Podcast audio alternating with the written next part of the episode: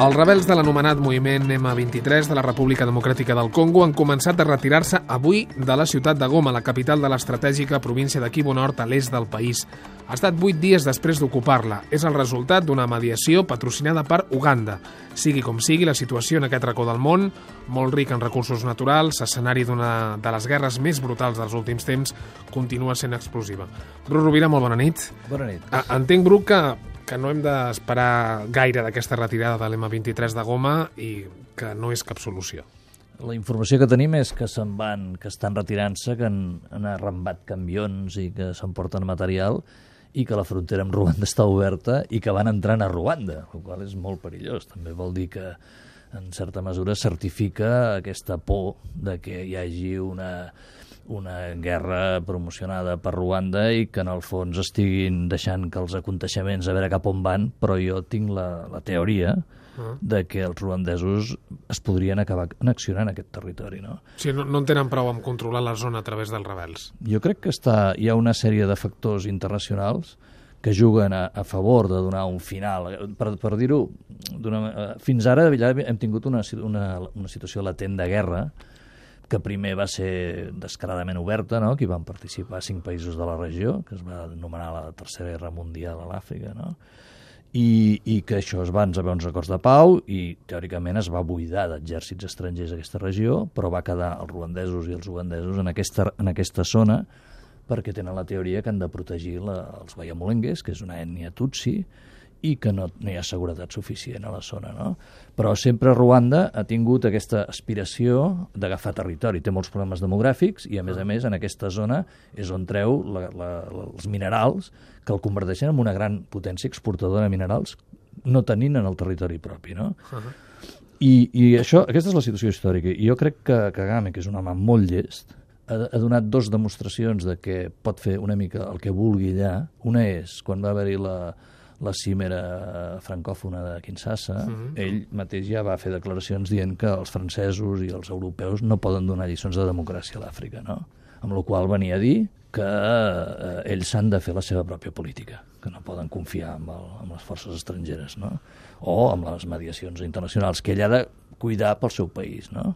I que la manera que ho fa ningú li pot donar lliçons. Per un costat volia dir això, no? Uh -huh. Això és fort. Això va coincidir amb un moment que les Nacions Unides treia un informe terrible en el qual l'implicaven el govern de Ruanda en, Mm. En vam parlar fa un mes Sí, d'aquest- en vam parlar, informe, no? sí. I l'acusaven de no complir els drets humans i tal. Però el mateixa setmana que passava això, ell era eh, su- eh, proposat per formar part no permanent del Consell de Seguretat, cosa que farà.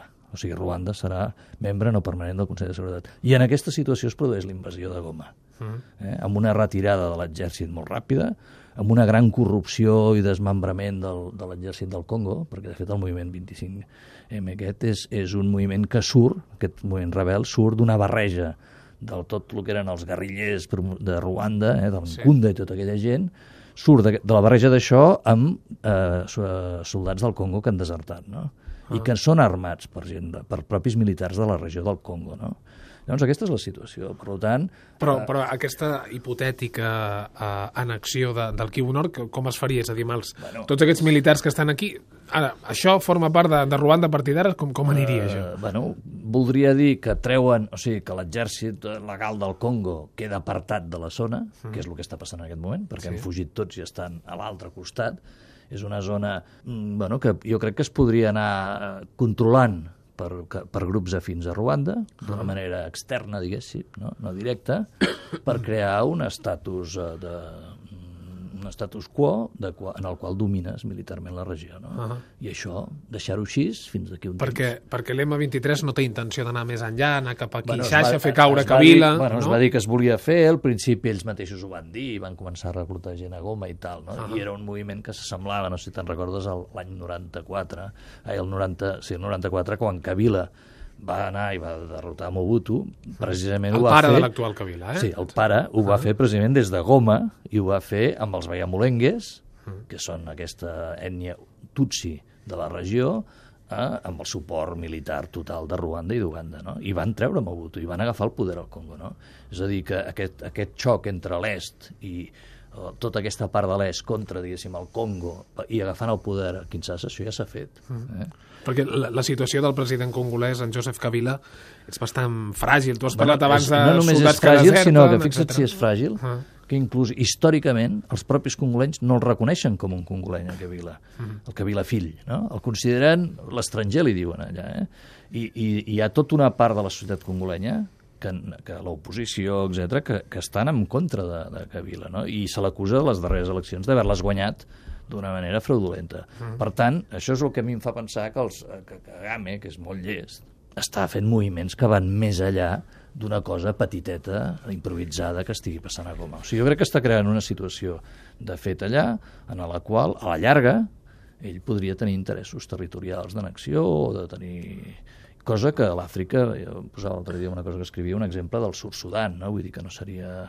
Els africans han estat molts anys pensant-se que, que la divisió que s'havia fet colonial i tal era inalterable, I no. però bueno, hi ha hagut Sud-Sudan, uh -huh. hi ha un projecte a Nigèria també, de dividir-lo entre el catolicisme i els musulmans, musulmans, és a dir, que els africans, a Mali hi ha hagut una secessió tuareg, els africans comencen a pensar que aquesta idea de les fronteres tal qual estan fetes en el moment colonial, ells les poden modificar. Abans de començar aquesta conversa, en Brun comentava no, no se'n parla d'això del Congo. Uh, pregunta ingènua per acabar. Per què no se'n parla? Per què no, no gens cas? ingènua, jo crec que és una pregunta més aviat una mica, que té un to una mica tràgic, no? perquè dir que o sigui, una història tan important per tot pel continent africà, no? Una història que ha implicat eh, més de cinc països, que hi ha hagut una guerra que dura anys, que comença amb un genocidi enorme, no? de més de 800.000 morts, i que ha portat ja més de 5 milions de morts a tota la regió, i que a més a més és una història que explica bastant bé el món actual, perquè és una història on n'hem parlat molt aquí, no? on desapareix el, el, la, la construcció política dels països i queda tota aquesta cosa invisible de l'economia fosca, eh, dels saqueig dels recursos i tal, que això no interessi, jo no ho puc entendre no puc entendre, és com si no volguéssim parlar de la... De, doncs de, és una, té un, té una, clar, tu sumes tot això, té una importància com la Segona Guerra Mundial, diguéssim, no? O sigui, quan va començar lo de Ruanda, que Ruanda ja és un país que se'l va deixar a l'estacada amb tot això, I, i aquí el Kagame argumenta molt bé, no? Que és el... Kagame és un dels arguments que li fa dir, escolta, jo faig el que em dóna la gana perquè vosaltres em veu deixar sol, no? Llavors, que això no interessi, és molt trist, no? És el que s'està vivint a, a l'est de la República Democràtica del Congo, aquí a Nord. Bru Rovira, moltes gràcies. Eh, parlem una altra vegada d'aquí 15 dies. Jo crec que durant la temporada del Congo en parlarem més. N'haurem de parlar, sí. Gràcies. Bona nit.